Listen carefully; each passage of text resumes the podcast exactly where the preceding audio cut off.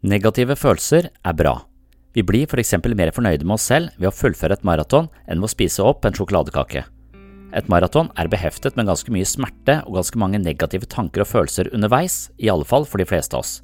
Likevel er det slik at vi ofte kan hente både selvfølelse, selvtillit og en dypere form for tilfredsstillelse når vi klarer å fullføre tre mil i jevnt tempo.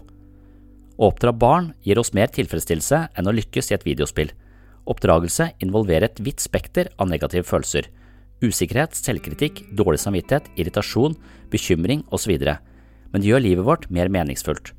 Det er med andre ord mange aktiviteter som involverer både stress og sterkt ubehag, men når vi håndterer slike aktiviteter, kan de bli stående som noen av de mest meningsfulle situasjonene i livet.